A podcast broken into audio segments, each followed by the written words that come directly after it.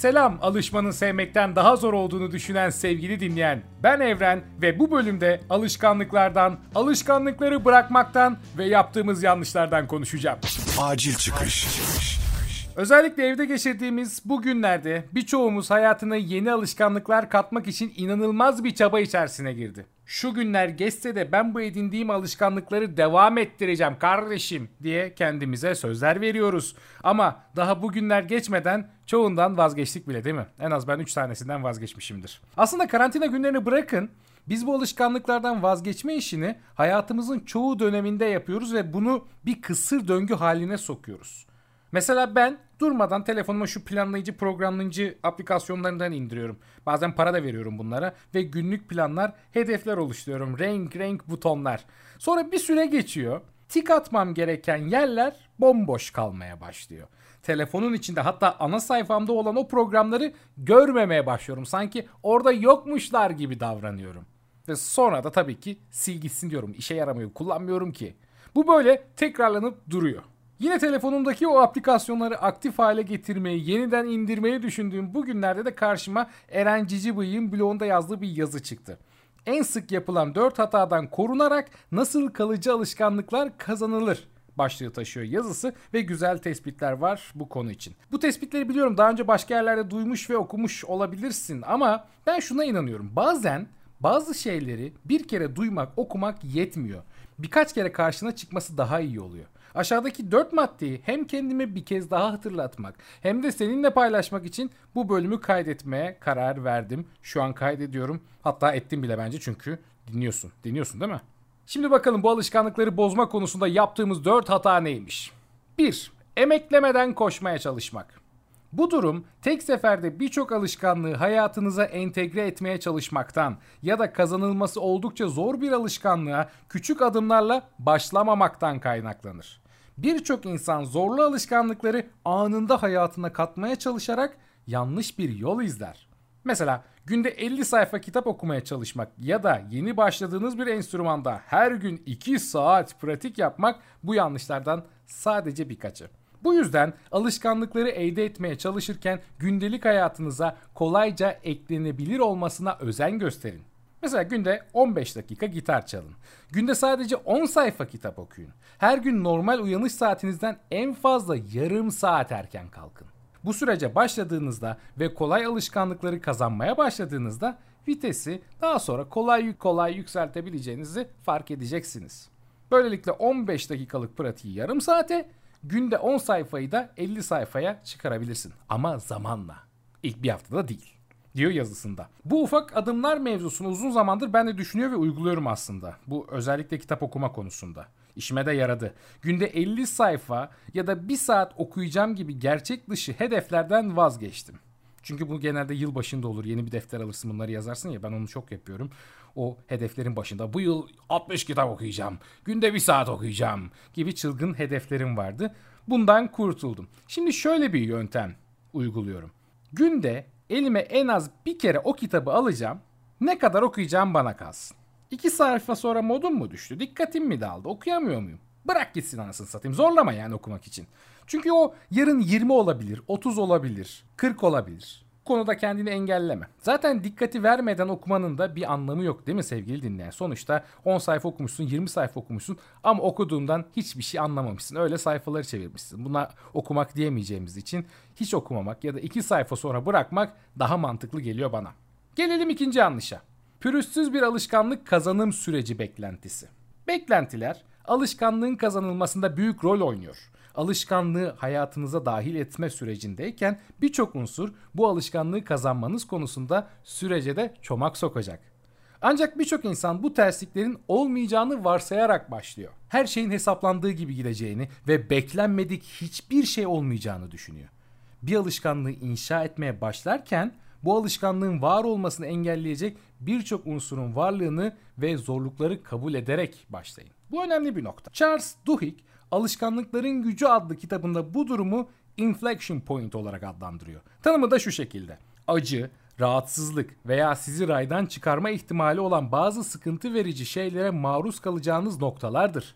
Bunları önceden planlamaksa hayati öneme sahiptir. Bu noktada yapabileceğiniz en iyi şey karşılaşacağınız zorluklara karşı ve rahatsız edici durumlar baş göstermeden önce psikolojik olarak hazır olmaktır. Mesela burada bir örnek verilmemiş bu konuda ama ben size şöyle bir örnek verebilirim. Bunun en başında yaptığınız planlara karşı saygınızın olması gerekliliği. Nasıl anlatayım? Şöyle anlatayım. Hayır diyebilmek mesela. Bir arkadaşınız sizi salı akşamı için bir yemeğe davet ediyor ya da dışarıda içelim diyor. Ama siz salı akşamı kendinize bir söz vermişsiniz. Yaptığınız bir plan var. Kitap okuyacaksınız veya işte film izleyeceksiniz, spor yapacaksınız. Artık o planınız neyse, kendinize verdiğiniz görev neyse. Ama arkadaşınız inatla sizi dışarı çağırıyor. Siz saygısızca yaptığınız planı yok sayarsanız, kendinize saygı duymadan arkadaşınıza evet deyip o akşamı onunla geçirirseniz ne oluyor? Böylece o bir pürüze dönüşü. Arkadaşınızın bu teklifi yepyeni bir sorun çıkarmış oluyor. Bundan uzak durmak lazım. Psikolojik olarak hayır demeye hazır olmak lazım. Arkadaşınıza hayır lanet olsa pislik benim bu akşam spor yapmam lazım demek lazım. Bunu ben kendi hayatımda yapmıyorum. Yani bir arkadaşım beni dışarı içmeye çağıracak da ben spor için ona hayır diyeceğim. bunu bunu bir kendimle konuşmam lazım. Neyse biz üçüncü yanlışımıza geçelim buradan.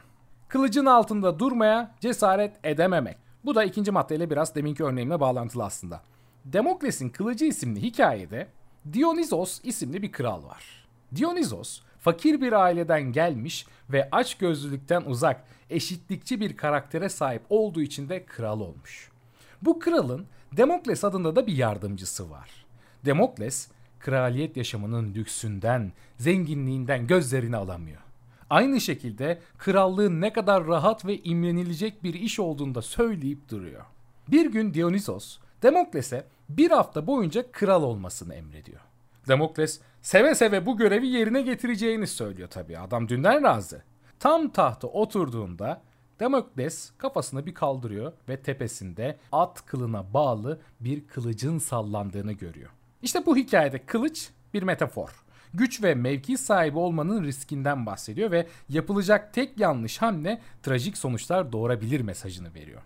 Yeni bir alışkanlık inşa ederken de bir kılıcın altındaymışsınız gibi düşünün. Birçok kişi kendisini bu metaforik kılıcın altında tutmaktan çekiniyor. Bu durumun sonucunda büyük bir öz disiplin sorunu meydana geliyor ve alışkanlıklara bağlı kalmak o kadar zorlaşıyor. Alışkanlığınızı bir gün bile aksattığınız zaman o metaforik kılıcın kafanıza ineceğini düşünün. Alışkanlığa bağlı kalmanız konusunda sizi zorlayacak ve rahatlık duygunuzu azaltacak ateşleyicilere ihtiyacınız var. Yakınızdaki insanlarla bahse girmek, kararınızı birçok kişiye duyurup kendi dış baskınızı oluşturmakta bunlardan sadece birkaçı. Aynı zamanda aynı yerde olmasa da Spor yapabileceğiniz birini bulun mesela ve onunla haftada 3 gün spor yapma bahsine girin. Bu bahsin içine sürece dahil olmayan kişi için şartlandırıcı bir unsur koymayı da unutmayın diyor 3. madde. Ben bunu çok yaptım ama şu konuya dikkat etmeniz lazım. O da karşınızdaki kişinin de demir gibi bir iradesi olması gerekliliği bahse girdiğiniz veya hayatınızı bu konuda kontrol etmesi için görev verdiğiniz, rica ettiğiniz kişi pes ederse demir gibi dik durmazsa sıkıntı büyük çünkü. Onunla beraber tekrar başa dönüyorsun. O yüzden o kişiyi seçerken de iradesi güçlü biri olmasına kesin dikkat edin. Ağzınıza sıçacak biri olması lazım. Yoksa nanay olmuyor. O da pes ediyor. O pes edince ne oluyor? Sen de pes ediyorsun. Gelelim dördüncü maddeye. Neden eksikliği? Bence en önemlilerinden biri de bu. Hele sosyal medya sonrası sosyal medyada gördüğümüz her şeyi yapma çabamızdan dolayı bu maddeyi, bu yanlışı sık sık yapıyoruz. Neden eksikliği? Güçlü bir kişisel neden olmadan bir alışkanlık inşa etmeye çalışmak. Alışkanlıkları nedensiz yere hayatınıza entegre etmeye çalışmak pek başarılı sonuçlar vermeyecektir. Alışkanlığın trend olması, takip ettiğiniz biri yapıyor diye yapmak ya da sadece çevrenizden biri önerdi diye yapmaya çalışmak uzun vadede çoğu zaman başarısızlıkla sonuçlanıyor. Kendinize öncelikle bu iki soruyu sorabilirsiniz diyor yazıda. Sahip olacağınız alışkanlık sizin için gerçekten bir şey ifade ediyor mu? Neden bu alışkanlığı hayatınızda istiyorsunuz? Bu soruları sor kendine. James Clear'ın kaleme aldığı Atomic Habits isimli kitaptaki bir alıntıya bakıyoruz şimdi. Faydalı alışkanlıklar mantıkla çoğu zaman uyuşabilir. Ancak kimliğinizle uyuşmuyorsa harekete geçme konusunda başarısız olacaksınız demektir. Eğer karakterinizle uyuşmayan alışkanlıklar elde etmeye çalışırsanız, alışkanlığı elde etseniz dahi muhtemelen o alışkanlık hayatınızda pek de işlevsel bir şekilde kök salmayacaktır. Yeni bir alışkanlık kazanma yolunda yaptığımız dört yanlış bu şekildeydi. Birçok bıraktığım yeni alışkanlığın da özetini kendi sesimle kendime anlatmış oldum ayrıca. Ama olsun 20 yaşında gözlemlediğim evren ve bir ay sonra 30. yaşına girecek olan evren arasında bile alışkanlıklar olarak dağ gibi farklar var. Kendi hayat içindeki evrimimi görebiliyorum. Gerçekten hayatımda istediğim alışkanlıkları da zamanla oturtacağımdan şüphem yok kendi adıma. Kendime güveniyorum, kendime inanıyorum. Bu konuda bir özgüvenim var artık. Peki senin kendi adına bir şüphen var mı sevgili dinleyen? Hadi bakalım. Acil çıkış. O kadar alışkanlıklar dedik, yaptığımız yanlışlar dedik. Bu bölümü de Antalya'dan bir haberle kapatayım şimdi. Çünkü sadece iyi alışkanlıklar yok. Kötü alışkanlıklar da var ve haberdeki kahramanımız demin anlattığım madde 2 uygulamadığı için kötü alışkanlığına ulaşmakta başarısız olmuş. Antalya'da karantina altındaki mahalleye uyuşturucu almak için gitmeye çalışan kişi kanalizasyona girdi. Aklınca aşağıdan geçip o mahalleye ulaşacağım diye düşünüyormuş. Aziz G isimli şahıs burada mahsur kaldı. Kurtarılan Aziz G uyuşturucu bağımlısının giremeyeceği yer yok dedi. Kardeşim hedefine ulaşmak için bir yola çıkmışsın. Plan yapmışsın ama hepsi A planı B planın yok. Pürüzsüz bir beklentiye girmişsin ve orada sıkışacağını öngörememişsin. İkinci maddeyi okusaydım böyle olmazdı. İkinci maddede ne diyor? Pürüzsüz beklentilere girmeyeceksin bir B planın olsun diyordu. Hayır iddialı bir de söz etmiş. Uyuşturucu bağımlısının giremeyeceği yer yok. Aman ne güzel. Aman ne manşetlik bir cümle. Fakat sıkıntı şu. Bağımlının çıkabileceği bir yer de yok. Mal gibi kalmışsın orada. Hayır bir de manşetlik cümle ediyorsun, şekil yapıyorsun millete. Neyse, uyuşturucu sağlığa zararlı. Aman ha. Uyarısını da yapayım da Rütük beni de kapatmasın buralarda bulup.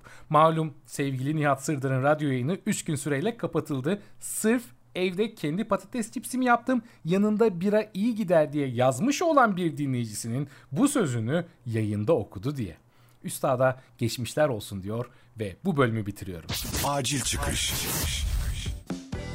Acil çıkışlar bir bölüm daha bitti. Twitter ve Instagram üzerinden beni takip ederek yeni bölümlerden haberdar olabilirsin. Bu podcast'i şu an nereden dinliyorsun bilmiyorum ama Instagram ve YouTube olmak üzere podcast dinlenebilen tüm platformlarda aktif olarak bulunduğunu belirteyim. Eğer dinlediklerin hoşuna gittiyse beni dinlediğin platform üzerinden takibi alman ne de güzel olur. Bana ne de güzel hissettirir biliyor musun? Artık biliyorsun. Yeni bölümde görüşmek üzere.